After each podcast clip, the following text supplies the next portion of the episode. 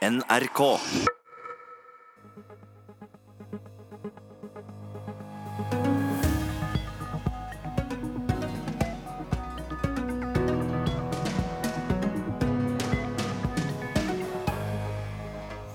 Som gjest i russiske hjem må du være forberedt på å holde pompøse taler på sparket. Vår gjest forteller heller en vits. Det verste du kan gjøre mot en russer som gjør deg en tjeneste, det er å stikke penger i hånda hans etterpå. Hvorfor det er så sårende, får du vite mer om i den neste timen nå. Men gjestebud blir det rødbeter, poteter, pelmeni, blini, kaviar, vodka og alt som har med russisk mat og måltider å gjøre, skal vi sette tennene våre i. Musikk til maten får du selvsagt også. En låt om vodkafylla i St. Petersburg var så kontroversiell at turistsjefen i byen fikk sparken etter å ha sagt at han likte denne sangen. En norsk vinanmelder med et romantisk forhold til russisk vodka kommer også på besøk. Nærkontakt av nordlig grad blir det også når en tidligere og en nåværende utenriksminister forteller om det politiske forholdet til russerne. Ja, Den neste timen skal det handle om masse russisk mat og vodka, og alt som har med, har med russisk mat og måltid å gjøre. Og som seg hør og bør i et fint selskap, så blir det også musikk, nærmere bestemt balalaika, her i studio. Først skal vi til et russisk kjøkken i Bærum. Reporter Anja Strøn hva er det dere lager der? Ja. Du, vi er jo så heldige at vi har fått komme på besøk på kjøkkenet til Elena. Og hun skal lage en typisk tradisjonell russisk rett. Hva er det du skal lage til oss? Ja, det skal jeg gjøre. Um, dette er siljotka patsjubu, som det heter på russisk. Og som oversettes uh, kan oversettes sild i pels, eller sild under en pelskåpe. Og jeg ser at du har rettene Du har alle ingrediensene klare her. Ja. Her har du rødbeter som er raspet opp. Riktig. Gulrøtter. Mhm. Så er det løk. Det er løk. Og der har du vel den viktigste, ingre ja, den viktigste ingrediensen. Ja, sursild. Ja. Ja. Og så er det Litt uh, egg. Litt egg. Finhakket egg. Og poteter. og poteter. Ah, Alle grønnsakene er kokt og finhakket, eller i raspet i, i mitt tilfelle. Men denne pelsen Ja, altså Russland er et, et kaldt eh, land, egentlig. Det er ganske kaldt om vinteren der. Så da til og med sild trenger en pels, og det skal vi lage får vi se. av Ja, jeg skal bare putte alt uh, lagvis. Så nå har du, nå har du altså raspet potet Ja. som du har lagt på et fat. Og hele sildkake skal limes ved hjelp av Skal majones. limes med majones, ja. Ja. Sånn Så nå har du et flat fat. Mhm. Vi får fortelle så våre radiolyttere blir med også, vet du. Nettopp. Du burde nesten skru på TV for å se de fine bildene nå. Ja, det er veldig enkelt. Så Dette er etter poteten så tar du altså på Ja. silden. Og den har du ikke fisket selv. Nei! aldri. Aldri i livet. Men, er, dette, er dette en rett som man da spiser overalt i Russland? Ja, det, da jeg prøvde å finne noe som uh, er veldig populært og veldig autentisk, så fant jeg det, den oppskriften som er eh, lages som festmåltid. Dette blir en slags Alle. festkake når du har raspet Ja. potet, og så har du hakket ja. still, og så tar du løk på toppen. Ja, Og enda mer majones. unnskyld, men russere er vant til majonesen. Det er nesten som eh, Hvor, hvor viktig er maten Er maten eh, når man innbyr gjester i Russland? Dette er veldig viktig, selvfølgelig. Det er det som eh, får oss til å drømme om som tsarens gjestbud. Ok. Og da setter vi flere forskjellige retter på bordet. Så dette er en av dem. Nå har du altså tatt eh, jeg må fortelle at eh, nå har du da tatt eh, potetene på, og enda mer majones. Ja, dere er glad i majones i Russland? Stemmer! Stemmer. Det, det fikk vi fra franskmenn. Ja. Og franskmenn fikk ordet 'bistro' av oss. Okay. Av russiske soldater som ville ha sin mat Bystra, bystra, og da fikk Nå franskmenn bygger det seg opp, akkurat Ja, som en slags eh, lagkake. Ja. Neste er uh, gulrøtter. Og da prøver jeg å forme den kaka slik at den Skal se litt fint ut også. Ja. Så nå er det gulrøttene som kommer oppå siste laget med majones. Da har du ikke så mange ingredienser. Og det som er veldig populært i Russland, dette er Rødbeter. Rødbeter. Å, det er så fin farge.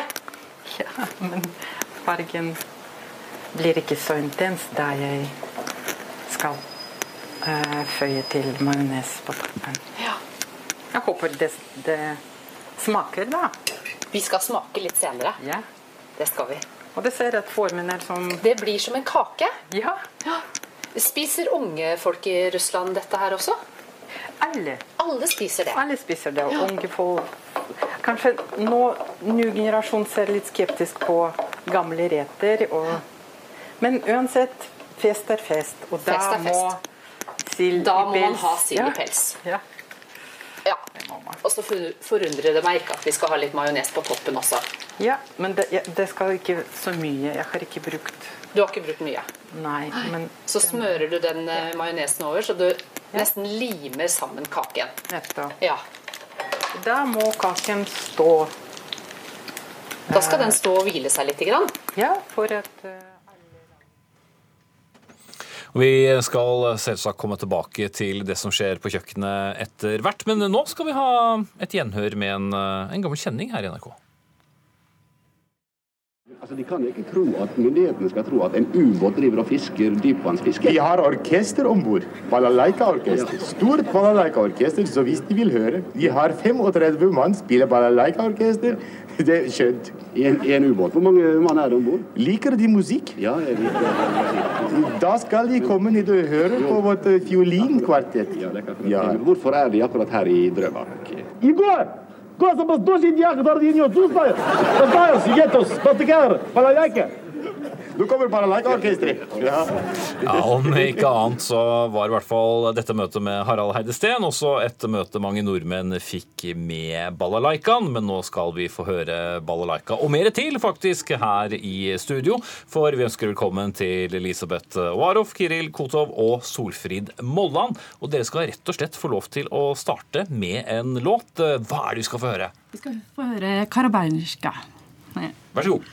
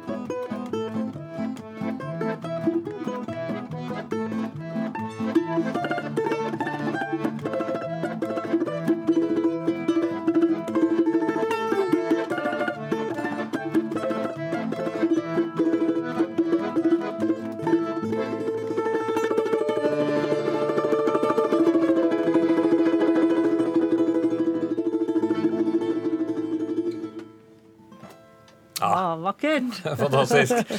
Sofie Solfrid det er du du spiller balalaika. eh, Du er egentlig utdannet eh, Unnskyld, eh, Elisabeth Oaroff. eh, Egentlig utdannet pianomusiker, men i 1989 så plukket du opp balalaikaen. eh, Og hvordan var det du kom over dette instrumentet? Ja, nei, altså, Jeg fikk høre at jeg hadde russisk bestefar, og det kom som en overraskelse, egentlig. og da tenkte jeg nei, jeg må Jeg hadde jo hørt balalaika før. Jeg tenkte nå har jeg veldig lyst til å se og prøve å spille balalaika. Og det var jo ganske vanskelig. Og så begynte jeg Norsk Balalaikaorkesteret. Eh, Det ble stiftet i 1920. Av russiske immigranter. Så, og min bestefar kom jo på samme tid, men han hadde ikke noen tilknytning til orkesteret da. Eh, Mange forbinder jo da denne balalaikaen eh, med eh, Russland, selvsagt. selvsagt. Hva, hva vet vi egentlig om hvor den kom fra? eh, Opphavet? Ja, Opphavet er nok fra Mongolia. Det er en, eh, et trekantet-lignende instrument, det også. Også tre strenger, så vidt jeg vet. Topp sju heter den. Og det er nok fra langt tilbake. kanskje 1000-tallet, jeg vet ikke. Men balakan balalaikaen oppsto første gang i et, eh, et, i et dikt, som vi vet, fra 1771, hvor balakan ble nevnt. da. En dikter som het Mike Så, men den har jo den karakteristiske klangen med tremolo. Som betyr å skjelve på italiensk, eller opphavet fra skjelve. Og det er jo at du skjelver på tonen.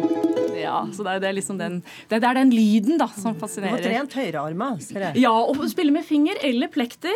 Og du kan spille pizzicato. Blir ganske herdet på, på fingertuppene. Ja, fingertuppen blir herdet. Den gjør det. Den blir kortere og kortere. så man kan si.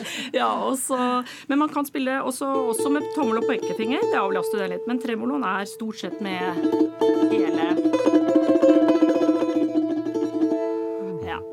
Vi man, har rett og slett lyst til å bare høre mer. Ja.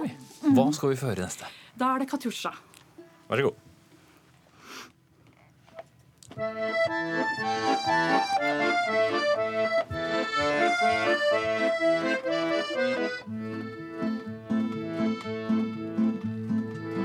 Расцветали яблони и груши, Поплыли туманы над рекой.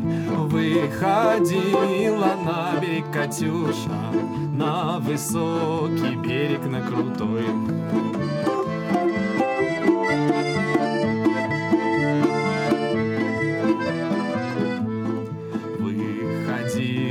Песню заводила Про степного сизого орла Про того, которого любила Про того, чьи письма берегла Про того, которого любила Про того, чьи письма берегла. Расцветали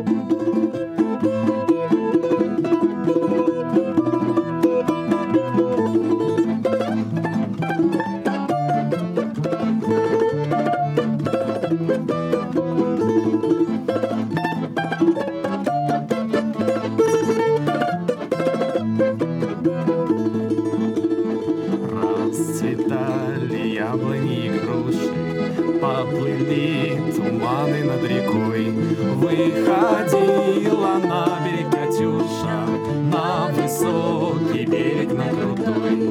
Выходила на берег Катюша, На высокий берег, на крутой.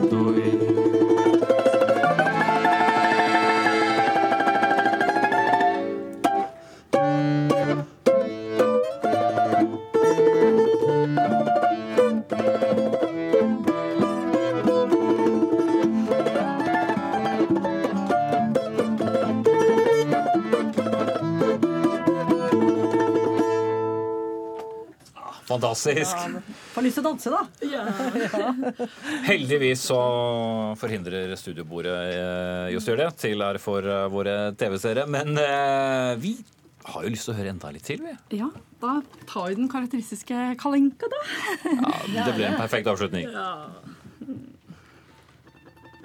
Tusen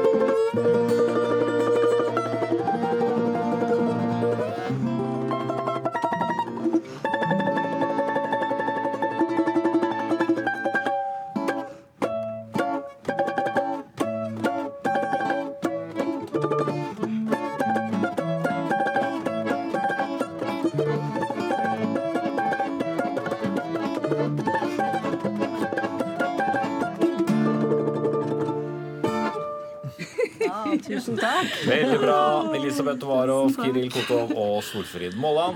Tusen takk for balalaika-musikk. Og hva passer vel eh, bedre etter at vi har hatt litt musikk, og kanskje tenke på noe å skåle med. Eh, Vi har jo allerede snakka litt om mat i denne sendinga, nå skal vi snakke om drikke. Mange her i Norge har kanskje litt rufsete forhold til den blanke spriten vodka, og forbinder den muligens med en dundrende hodepine dagen etterpå. Men du, forfatter og eh, vinanmelder Ingvild Tenfjord, du har faktisk et litt romantisk forhold til vodka, du. Ja, vet du, altså når jeg hørte den musikken her, så ble jeg umiddelbart transportert tilbake til 2006. Da jeg og min mann, som enda ikke var min mann, satt på en kneipe i Moskva. Og Den så ut som en leilighet, og i hjørnet sto en operastudent og sang. Og vi drakk vodka, iskald vodka av karaffel. Og det var første gangen mannen min sa at han elsket meg. Så det var et vendepunkt. Hurra, hurra, ja. Så takk til vodka for den. Eh, Men, men hvilket forhold opplevde du at eh, russerne hadde til vodkaen? Eh, Som en selvfølgelig del av enhver fest.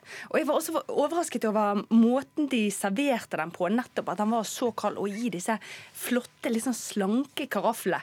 Eh, jeg jeg må jo erkjenne at de ti gangene jeg har drukket vodka før det, så har det vært mer på sånne rufsete studentfester. Så igjen det der å løfte det opp og gi det en form for seremoni, det var nytt for meg. Drikke det på en annen måte. Drikke det på en annen måte, med litt mer sånn Litt, litt sånn som vi drikker champagne. Sånn Nå er det en anledning. Nå henter vi frem vodka. Og den er kanskje litt ofte. Men uh, hva er det egentlig som kjennetegner god vodka? En god vodka er den spriten som smaker minst mulig. Altså, vodka kan i teorien lages av nesten alt som har stivelse. Det er masse frukt, grønnsaker du kan lage det av. Eh, I teorien kan du også lage det av kryssfinere og nesten papir. Så, så vodka er liksom vin, nei, spritens svar på måka. Den står ikke høyt i kurs, men EU-reglementet sier jo da at det er grenser for hva du kan lage vodka av. Og vanligst så er det en eller annen form for eh, korn, hvete eller rugg, eller potet. Men, men klarer du å kjenne forskjell på god vodka og god vodka? Ja, vel, til, ja, til en viss grad. Jeg har jo en eksamen i dette. Jeg skulle rett og slett rangere vodka etter kvalitet. Og da, da er det jo det da å finne den som smaker minst dårlig. Og, og, og egentlig så er jo det rart at, at verdens mest solgte sprit har gjort suksess nettopp fordi at den smaker så lite. Det er liksom høy alkohol, lite smak. Men, Men er det sant det der med at man får litt lite hodepine dagen etterpå fordi at den, eh, den nettopp er så, så Det er så lite i den? Det er så lite sukker så og så, li, så rent? Dette er sånn du sier fordi at NRK ennå ikke har hatt sommerfest, antar jeg. Eh, Men jeg tror at enhver en, er som, eh, som tror at vodka er en slags raffinert form for alkoholrus, vet at det er feil. Du blir uh, fyllesyk av det òg. Mm. Mange forbinder da russerne med, med vodka. Det er kanskje en av fordommene vi har. Hvilken rolle spiller da vin i Russland? Ja, altså jeg vil bare holde litt på dette med vodkaen. for det vi tenker jo alltid at vodka er russisk, men Polen kniver også om å ha tittel som de som oppfant det først. Altså, Vi skal helt tilbake igjen til 800-tallet. Det er usikkerhet om det var eh, Polen eller Russland som var først. Men første skriftlige bevis vi har for destillering av vodka, det er faktisk i Polen. Og da er vi i 1405, og så har vi skriftlig bevis fra 1450, sånn 1450 i Moskva. Og så er det jo da et annet viktig veiskille som finner sted på, senere på 1400-tallet. At Ivan den grusomme monopoliserer produksjonen. Og det er der polakkene gjør noe annerledes. De legaliserer det og legger heller tak, eh, skatt på det. Mens denne monopoliseringen den skal jo vare helt til bolsjevikene kommer, eh, og seinere så blir eh, og overtar igjen, sånn at private heller ikke har lov å eie destilleri. Og det blir starten igjen på at en ung russer flykter til USA og seinere etablerer Smirnov, som er en av verdens mest kjente vodka. Og Der fikk vi litt eh, vodkahistorie. Det Ja, liker vi ja, veldig. ja, det er jo det. Men tilbake til dette vinspørsmålet. Ja. Eh, fordi at eh, russerne er jo litt annerledes enn det vi tror. De sitter sannsynligvis ikke bare og drikker vodka, de har nok også vin. Eh, Nei, ja, De har høyere vinkonsumsjon per innbygger enn vi har. De ligger jo ganske høyt over oss på alkohol generelt. Men det vi ser i Russland, som også er en global trend, det er at de drikker mindre og mindre sprit og mer og mer vin. Vi går, de går over på lettere drikke. Mm. Men du, eh, eh, la oss runde, litt mer av i vodkaen, da, for det er, jeg hører at du har lyst til å være der litt til. Men når man ikke kan markedsføre forskjellen på smak, at denne smaker sånn og den andre smaker sånn, det er veldig likt, hvordan er det de markedsfører det? De prøver å lage noe luksuriøst med innpakningen. Tenk på vin. Det har jo på en måte skapt sitt ry ved, nettopp ved variasjon. Variasjon i årgang, jordsmonn, drue. Sprit skal være det samme år etter år. Og Dermed så du en, kan du legge en mer langsiktig strategi når det gjelder markedsføring. Så det eh, Mange av dere kjenner sikkert den vodkaen som heter Grey Goose. Eh, fransk vodka, eh, frontet av mange kjendiser. En av de dyreste vodkaene heter Chirac. Og da har de betalt rapperen Puff Daddy, eller P. Diddy, som han vel endte opp med å hete på slutten, veldig mye penger for å fronte det nettopp som en livsstil og et brand. Er det sant at eh, russerne drikker vodka til enhver anledning? Drikker de så mye som det vi eh, innbiller oss at de gjør? Vi hadde en eh, diskusjon om det ute i venterommet her. Jeg vet ikke. Jeg, jeg har ikke bodd i Russland. Eh, men det vi ser, det er at den, eh, den raffinerte, luksuriøse vodkaen, den er vel først og fremst et eh, symbol for de få som har mye penger. Og det er ikke det som drikkes til vanlig. Mm. Tusen takk skal du eh, ha, Ingvild eh, Tenfjord. Og Vi skal fortsette vårt russiske måltid i studio. vi. Så langt så har vi altså slått fast at det kan være praktisk å ha både rødbeter og vodka hvis man skal på middag hjemme hos russere. Men hvordan er stemningen rundt bordet? Begge våre neste gjester, Tore Mentijärvi og Lene Wetteland, har reist mye i Russland.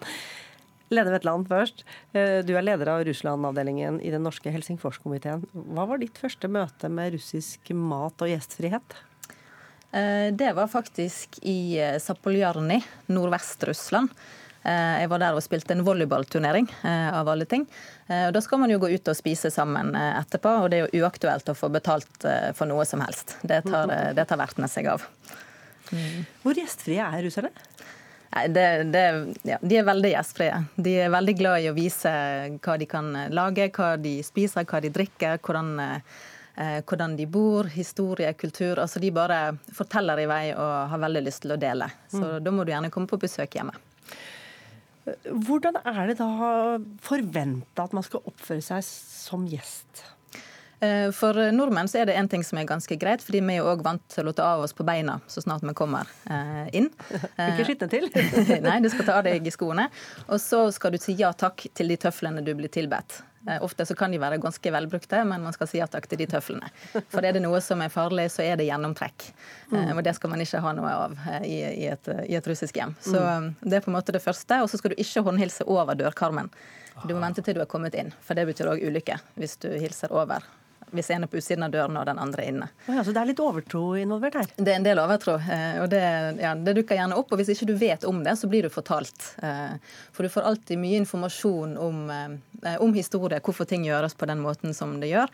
Og hvis du begynner å snakke russisk, prøver deg på russisk, så får du alltid beskjed om hvis du har sagt noe feil. Du får velvillig korreksjon i, i grammatikken. Mm, Men blir det tilgitt hvis du gjør feil, da? Absolutt. absolutt. Når du kan russisk og prøver å snakke det, så blir det satt veldig stor pris på. Og så er det forventa at du skal kunne holde taler på sparket, har jeg skjønt? Ja, det er noe som kan være litt utfordrende. eh, Fordi eh, på russisk så finnes det så utrolig mange eh, store, flotte, varme, rike ord. Som er helt legitime å bruke i en russisk skåltale. Men hvis du samtidig oversetter det til norsk inni hodet, så høres du, høres det ut som du overdriver veldig. Så det kan, det kan virke litt, litt kunstig. Men man legger seg til en en teknikk eh, på det. Og så, eh, ja, og så er det jo òg en viss rekkefølge, noen ting du vet at du bør si, da. Så du kan eh, holde deg til, til det. Men det er to skåltaler i et festmåltid, jeg har skjønt. Hvilke er det? Eh, Ja, Det varierer litt i henhold til hvilken anledning det er. Eh, Man skal alltid først skåle for eh, at man har møtt hverandre, det at man eh, sitter sammen. Eh, Så skal man skåle for eh, kjærligheten, og så skal man skåle for kvinnene. Eh, Og så er det jo mye ettersom hvilken eh, anledning det er, da. eh, Andre skåltaler som kommer etter hvert. Mm. Pleier du å ta det, eller? Eh, Jeg prøver å unngå det, nettopp fordi det er så Jeg er ganske kort, kort av meg på norsk, så på russisk så blir det vanskelig. Men man må alltid til pers. Ja. Så- har du noen erstatning? Jeg tyr ofte til en, til en vits. En vits, ja. Ok. La oss høre. Den er da om eh, og nordmannen som møtes for å drikke vodka. Eh, Finnen setter da eh, vodkaflasken foran, to glass, eh, heller opp. Nordmannen sier skål, de ser hverandre i øynene, slår glass, og så drikker de. Finnen ser litt misfornøyd ut, men heller i glassene en gang til. Igjen sier nordmannen skål, de ser hverandre i øynene, klinker glass og drikker. Finnen heller opp i tredje gang, og så sier han skal vi nå drikke eller snakke? Det er bra. Eh, Hva, hva må man aldri gjøre som gjest? Hmm. Eh, ja, dessverre nå for tiden så er det jo noen tema som kan være litt, eh, litt ømtålige, da, så man vil ikke bringe de opp eh, med en gang. Eh, men eh, ellers så er det vel noen av disse, eh, disse overtroiske tingene man ikke bør, eh, man ikke bør gjøre. Men eh, hovedsakelig så er det, det er åpent for det meste. Man kan Man spiser i hvilken rekkefølge man vil, og det er ikke så farlig om du spiser opp mat. Du bør helst la litt være igjen osv. Så, videre. så det er, ganske, det er ganske ledig stemning. Det er det. Jeg spurte vinkjenneren i sted om man må drikke vodka. Hun var ikke helt sikker. Må man det alltid? Eh, Man må ikke det. Eh, Det kan, hvis du er gravid eller hvis du tar medisiner som gjør at du ikke kan eh, drikke, så er det, så er det greit, som oftest. Og det er jo selvfølgelig også et triks å ikke drikke Bonski hver gang. Eh, Så lenge Det viktigste for verten er at verten kan fylle på glasset ditt og være oppmerksom. Men de er ikke nødt til å fylle opp hele glasset hver gang. Så lenge du har tatt en liten slurk og er med på skålen, så, så holder det. Men hvis du ikke har noen sånn særskilt unnskyldning, så er det best å bli med. Eh, Det kan lønne seg. Ja. Tore Nemtjärvi, du er Russlandskjenner, og som vi nylig har sett som kjentmann og tolk i NRK-programmet Teamet Bakstad i Østerled. Du har vært mange turer i, i Russland, første på starten av 1990-tallet. Hvordan ble det møtet med, med russerne? Det ble mm, veldig fint og også, også litt spesielt. Altså den, den russiske gjestfriheten er jo fantastisk. Jeg kjenner jo igjen alt som har vært nevnt allerede. Altså, I tillegg til ikke å hilse over dørstokken skal man ikke plystre inne, f.eks. Det er enkelte ting man skal passe på. Men, det ble et veldig godt møte, men også, også litt spesielt. Jeg dro til Minsk i 1990 og var der på skole et år. Helt på tamp av sovjetperioden. Og det, Sovjetunionen holdt jo da på å klappe sammen om ørene på oss, og det var en veldig interessant tid, kan man trygt si. På godt og vondt. Ikke minst var jo veldig mye rasjonert. Det var vanskelig å få tak i helt standard matvarer, melvarer og sånt. Alt mulig var jo, på, var jo rasjoneringskort på, og du hadde ingen garanti for at du, at du ville få varene bare fordi du hadde kort. Det ble jo endeløse køer når en butikk hadde den vara du hadde kort på, og så var det å håpe at du nådde frem i tide til, mens de fortsatt hadde. Og i løpet av det året så dro jeg da til Murmansk, for der, det er en lang historie som jeg ikke skal ta nå, men der, der er det en familie som, som mor mi og broren min ble kjent med en del år tidligere. Så jeg dro opp for å besøke dem.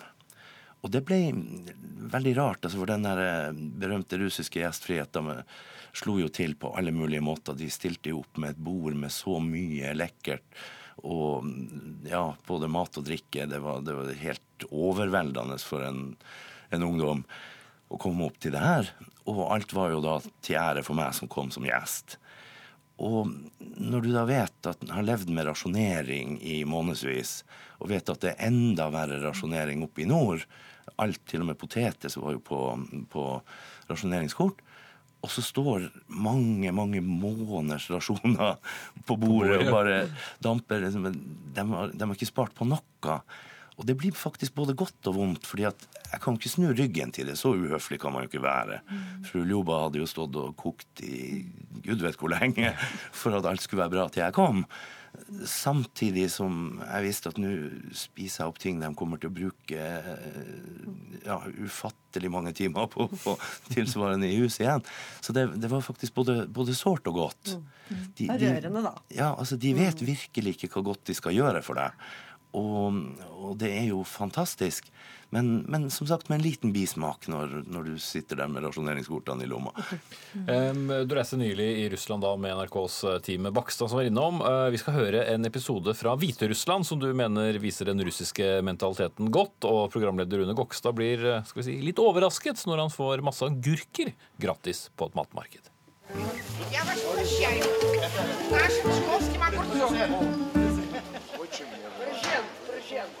Du, de, de står på markedet og selger agurker, og så kommer vi og så får vi en pose med agurker. Som presang. Hun gir bort det hun egentlig skal selge. Ja, rett og slett fordi det kommer gjester. Det er jo utrolig snilt. Det er noe vi ikke har forstått. Eller de, for den saks skyld. Men, eh, men, eh, jeg tror det er noe vi ikke har forstått. Ja,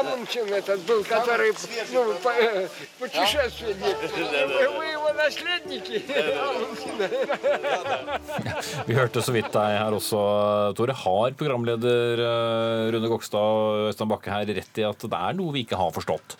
Ja, altså jeg, I forhold til den gjestfriheten du møter i, i øst, så er det klart at jeg, jeg tviler sterkt på om en, en havarert russer ville fått tilsvarende hjelp av nordmenn, dessverre. Vi, vi har ikke det samme genet for gjestfrihet som, som de har. De ville selvfølgelig blitt gjestfritt tatt imot, men, men ikke så til de grader. Vi, vi er forskjellige der. Det er jo en av de tilbakemeldingene vi fikk forut på programmet. og Vær så snill og kom innpå hvor gjestfrie russerne er, er det mange som har, har fortalt eh, på sine turer. Men eh, vi nordmenn har jo våre måter å være på. da. Hva, hva er det vi gjør feil når vi eh, møter russerne? For vi, ja, nordmenn er nordmenn. Ja, altså Hver gang jeg reiser i øst, så er det jo som, som regel er det jo da på, på norske båter. Eh, fungerer som tolk og radiooperatør om bord. Og da advarer jeg alltid mot én kardinalfeil vi nordmenn nærmest ikke klarer å klarer å unngå, selv om vi vet om det. Litt nøye nå. Og, og det, er, det er når folk gjør oss tjenester, og russerne gjør tjenester når det trengs, og uten å forvente noe for det. Og den norske impulsen er jo da å stikke neven i lomma og dra opp en krøllete hundrelapp og si takk for hjelpa. Og da rygger russerne. De er stolt. De vil vi skal møtes som likemenn. De hjelper oss av sitt gode hjerte. Og i det øyeblikket vi begynner å vifte med pengesedler, så blir det overklassefolkene som skal tipse pikkoloen som har båret koffertene. Plutselig så er vi ikke likemenn lenger. Da er det blitt en transaksjon, rett og slett. Og det faller ikke i god jord. Så rådet mitt er veldig klart. Bare ikke gjør det. De som forventer betaling, de gjør det klart for deg, de som gjør en betalt tjeneste. De som ikke gjør det, ikke fornærm dem, for det ødelegger gode, gryende vennskap. Mm. Ta imot gjestfriheten, kort og godt. Ja. Rett og slett. Og holde penga i din egen lomme. Lene Vetteland i Helsingforskomiteen. Um, er det noen spesielle ting man må, bør prate om og kunne når man skal ha konversere med, med russerne på, i et selskap?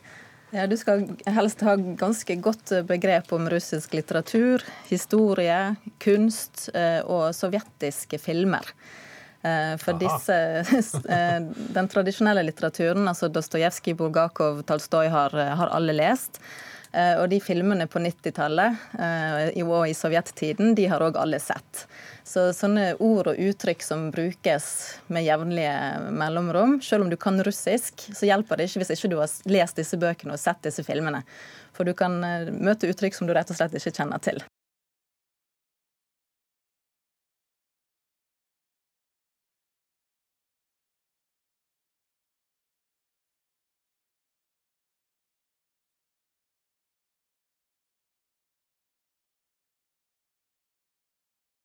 Da. Eh, Hun diskuterte, Vi hadde en samtale om mat og om sopp. Og så spør hun hvilken sopp vi pleier å plukke i Norge. Og ingen av studentene hadde jo plukket en eneste sopp i hele vårt liv. Og hun var sjokkert, fordi at i Bergen er det jo sopp overalt. Og det er jo forferdelig at man ikke har plukket det. Så hun sa dere må da komme hjem til meg eh, på torsdag. Vi skal plukke sopp, og så skal vi lage piroger, og så skal vi se på også sånne sovjetiske sketsjer. da. Så har dere på en måte en, en pakke med, med informasjon som dere, kan, som dere må bruke til senere. tusen takk for gode råd om eh, å gjøre og ikke gjøre i russisk gjestebud. Eh, Tore Mentejärvi og Lene Wetterland.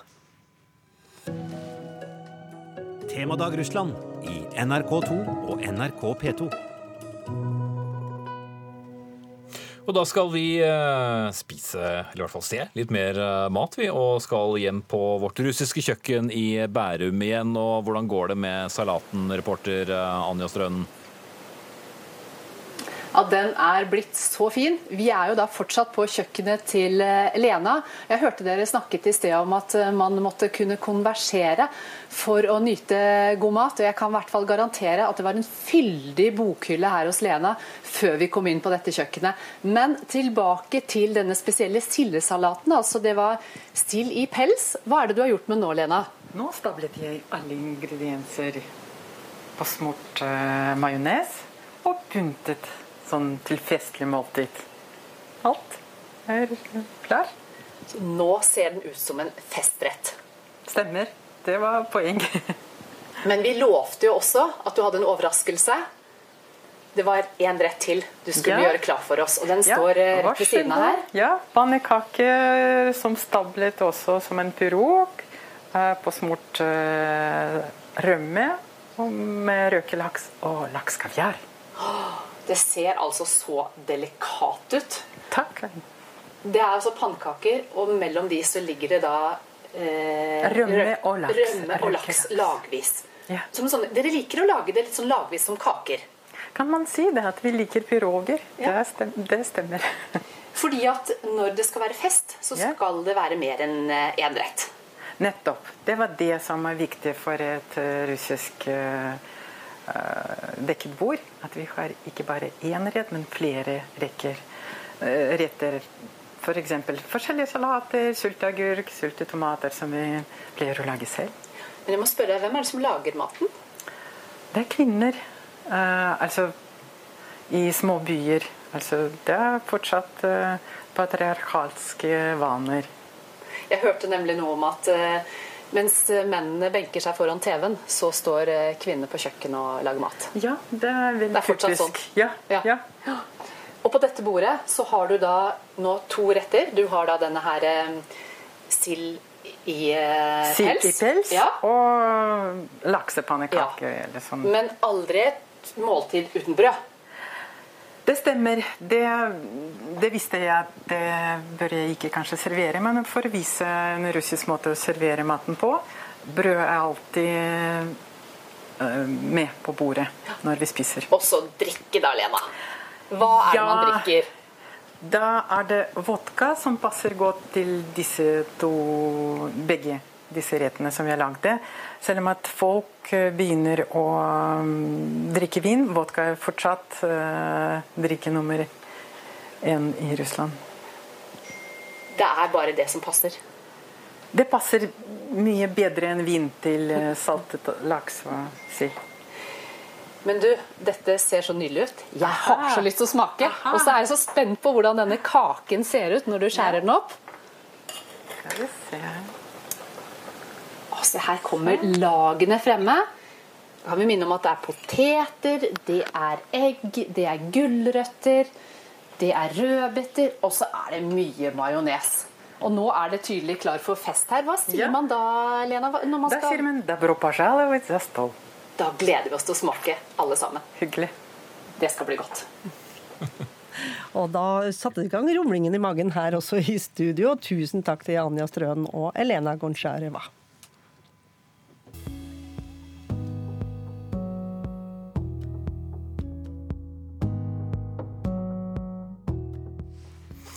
196 km, det er hvor lang riksgrensen mellom Norge og Russland er. Noe som har bydd på muligheter, men også begrensninger gjennom hundrevis av år. Betydelig lenger er det som heter delelinjen, altså grensen mellom våre to land under vann. 1600 km faktisk, fra Varangerfjorden i Finnmark og nesten helt opp til Nordpolen. 40 år tok det til å komme til enighet eh, om den, og den som skrev under den avtalen fra norsk side 7.6.2011, det var deg, Jonas Gahr Støre, nåværende Arbeiderpartileder, men den gang utenriksminister. Hvordan var det å få opprettet en kontakt med russerne som gjorde det mulig å snakke om noe så betent? Som du sier, Det hadde pågått i 40 år, siden havretten sa at eh, stater har eh, også rett til kontinentalsokkel og grense ut i havet. Da fikk Norge og Russland det vi kaller overlappende krav. Eh, Og vi gjorde krav på samme havområde. Og Det kalte vi jo da lenge for omstridt område. Og det var jo slik at Norge og Russland respekterte at da har vi ikke aktivitet der inntil dette er løst. Men for Norge som nabo til Sovjetunionen og så til Russland med et stort uløst grenseproblem, det er ikke en ønskesituasjon. Så vekslende norske regjeringer har jo jobbet for å få løst det, samtidig som vi ikke skulle la oss presses, vi måtte være langsiktige.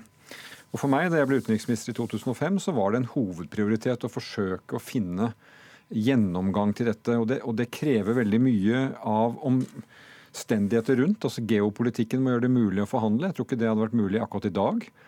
Men, eh, og I 2005 så var det helt åpenbart ikke at Russland var interessert i å gå den siste mila. Man kom langt med Sovjetunionen, men det har hele tiden gjenstått mye. Men fra 2007 så fikk vi fart i de forhandlingene. eh, Og da utenriksminister Lavrov og jeg oppsummerte enigheten på eh, da president Medvedev var på besøk i Norge i april 2010, eh, så diskuterte, Da visste vi eh, og fem andre på den middagen at enigheten var der, men hele middagen regnet med at den var langt unna.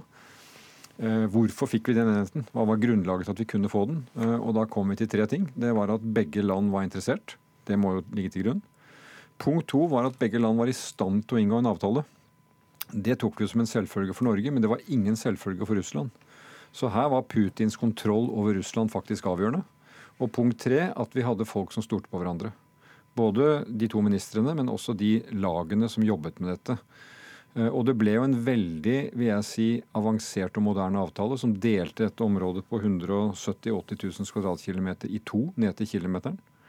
Eh, Og etter en linje som fulgte de mest moderne prinsippene i havretten. Så mens Russland hadde krig mot Georgia i 2008, naboland mm. nede på den kanten, så inngikk de altså en veldig uh, avansert og jeg mener balansert og god uh, sjøtraktat med Norge i 2010.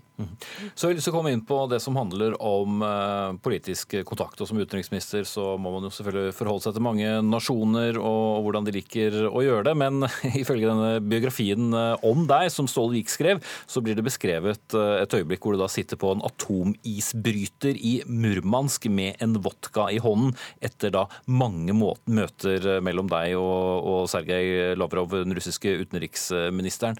Hvordan ble dere kjent med hverandre? Og jeg skjønner det, det ble involvert en del glass også. Ja, altså Jeg møtte han eh, to uker etter at jeg overtok i Harstad i 2005. eh, Og da etablerte vi en kontakt som jeg opplevde var veldig profesjonell og god. Eh, I 2009 så oppsummerte min stab at han var den utenriksministeren etter den svenske som jeg hadde møtt oftest på min vakt. Eh, Og eh, han er, jo, han er jo kanskje en av verdens mest drevne diplomater. Hadde vært FN-ambassadør i ti år. Gammel sovjetdiplomat. Eh, Svært sjarmerende, men også lunefull, og kunne slå kraftig tilbake. Men vi hadde et arbeidsforhold som jeg tror kom godt med i innspurten. Hvor du måtte på en måte by på deg selv da, for å forsøke å finne enighetspunktene. Eh, Men eh, de lever annerledes, og de drikker annerledes og spiser annerledes. Så jeg har jo noen minner fra reiser med han. Eh, Jeg satt på med flyet hans en gang fra Kirkenes til Murmansk. Da, det var tidlig om morgenen, da var det vodka. Og, og i bilen innover så var det også å forsyne seg. eh, Og Lot du som da, eller? ja, lot litt som, og tok litt med òg. Men vi må jo være på jobb. Men, men som du var inne på i den forrige sendingen, russerne er gjestfrie, også på toppnivå. De liker å, å, å, å, servere. Når jeg var på arbeidsmøter i Moskva, og vi hadde lunsj, så var det en opplevelse av at de faktisk her også viste fram maten sin, kulturen sin og drikken sin. Og det er viktig, tror jeg, i alle mellommenneskelige forbindelser, også i politikken. Øvde du på det i forkant, hva du skal gjøre og ikke gjøre, eller? Ja, gode rådgivere i UD, da. Og så hadde jo jeg vært med på en del på forhånd selv. Men jeg tror her gjelder det bare å gå tilbake til seg selv og være seg selv. Eh, Fordi at eh, Det er jo ofte sånn eh, teori i utenrikspolitikken hvor mye teller de menneskelige relasjonene.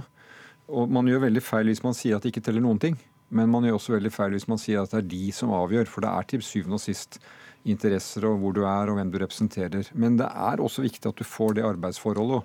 Vi hadde ikke fått til delelinjen tror jeg, om ikke vi hadde den forbindelsen politisk som vi hadde, og at de embetsfolkene som jobbet med dette, veldig dyktige eh, folkerettsjurister og eksperter også på kartarbeid, at de fikk tillit. Mm, Jeg har hørt at du, du skaffet deg en globus der du så verden mer ovenifra i denne perioden. Eh, altså Det jeg gjorde, og det ser jeg eh, også at eh, Ine Eriksen Søreide, nåværende utenriksminister, gjør, tror jeg er veldig klokt, det er å legge frem kartet opp ned, hvor vi tar utgangspunkt i at passerspissen er i nord. Og hvor altså ikke nord blir borte i krumningen av globusen, men hvor det faktisk er Sentral-Europa som blir litt borte, for å vise hvor stort det er. Eh, For veldig mange, Jeg husker da jeg studerte i Frankrike som eh, ung i 20-årene, så ble jeg litt fornærmet av at Europa sluttet på 60. i breddegraden. Altså Oslo, Bergen, Stockholm, Helsingfors omtrent. Og det som var nord, hadde europeerne lite kunnskap om. Så når du møter selv erfarne utenriksministre i Europa, så er det å legge fram kart som viser avstandene, sammenhengene, mulighetene, det er en eh, fin måte å snakke på. Du forlot eh, den posten i 2012, det ble regjeringsskifte i 2013, og i 2014 så annekterte da eh, Russland Krimhalvøya. Og det var på en måte begynnelsen på et mye mer anstrengt forhold mellom Vesten og Russland. Og bedre har det for så vidt ikke blitt med russisk støtte til regimet i Syria, forgiftningssaken i Storbritannia og også eh, Frode Berg-saken. Og utenriksminister eh, nåværende, Ine Eriksen Søreide fra Høyre, hvor nært forhold opplever du at vi klarer å ha til Russland i dag? Du er med oss fra, fra stortingsstudio. Jeg opplever at vi klarer å kombinere det som alltid har vært de to pilarene i den norske russlandspolitikken. På den ene sida en veldig klar og utvetydig holdning f.eks. til brudd på folkeretten. Og på den andre sida en utstrakt vilje til samarbeid og det å finne gode løsninger på felles problemer, som vi jo har mange av, og som vi historisk sett også har funnet gode løsninger på. Enten det er miljøproblemer, det er samarbeid mellom kystvakt og søk- og redningstjeneste, eller det er atomsikkerhetssamarbeid, for å nevne noe. Mm. Men øh, hvis du kan, kan dele litt av erfaringen, altså hvordan møter de oss nå? Altså Du har jo vært utenriksminister da i en, en tid hvor forholdet som sagt mellom Russland og Vesten har vært veldig anstrengt, men vi har jo hele tiden denne grensen som vi har snakket eh, litt om nå. Klarer vi å holde et slags naboforhold samtidig som vi har eh, disse andre utfordringene? Ja, det mener jeg vi klarer. Både fordi vi har et sterkt ønske om å få det til politisk. Vi har jo både i Nato-sammenheng alltid tatt til orde for at vi skal ha en dialog med Russland selv etter 2014. Det er noe Nato også har slutta seg til, og den dialogen ble bekrefta senest nå på et møte 31. mai. Men vi har jo også i alle år hatt et utstrakt folk-til-folk-samarbeid i nord, som har danna mye av grunnlaget for det samarbeidet vi også har eh, i dag. Og jeg tror det er viktig å, å fortsette den eh, topilartilnærminga som vi alltid har hatt. Vi skal være tydelige, forutsigbare, faste, og vi skal samtidig åpne for eh, samarbeid der det tjener begge parters interesser, og det gjør det jo ofte, som f.eks. i delelinjesaken. Jeg var jo leder i utenriks- og forsvarskomiteen i Stortinget da det skjedde, og har gitt eh, både Jonas og andre mye ros for den måten det ble håndtert på, og det mener jeg var en viktig milepæl i forholdet mellom Norge og Russland, og jeg mener at det er noe som vi også i dag eh, ser gode effekter av. Eh, Støre, på i dag, i vårt forrige tiår så hadde vi to store besøk. Eh, Ja, det var under eh, den andre Bondevik-regjeringen, og senere da som eh, du snakket om da i, i 2010. Hvor mye av norsk utenrikspolitikk handlet om Russland i det tiåret som jo var eh, Putins første tiår, og hvor han jo ja, som vi har vært innom tidligere i sendingen, eh, begynte å tenke litt annerledes om, om Russland enn det f.eks. Jeltsin hadde gjort? La oss legge til Jeltsins besøk i Norge midt på 90-tallet. Det var jo helt eh, eventyrlig. Vi viser stadig bildene derfra. Ja, Men eh, poenget er at Russland er, eh, for å bruke et litt fint ord, en konstant størrelse i vår utenrikspolitikk. Eh, og Jeg pleier alltid å begynne mine innlegg om Russland når jeg er der, og er her, eh, er her ved å si at Norge og Russland har levet i fred i 1000 år. Det er altså det landet eh, på deres grenser de aldri har vært i krig med. Eh, Til, til og med har de frigjort Finnmark eh, under annen verdenskrig. Verdt å ha med i historien. Du velger ikke dine naboer. Dette er geografi. eh, Og vi har en grense vi har klart å holde orden på. Lav spenning. High north, low tension, som vi eh, pleier å si. Og Det betyr at Norge kan aldri velge å ikke være opptatt av Russland.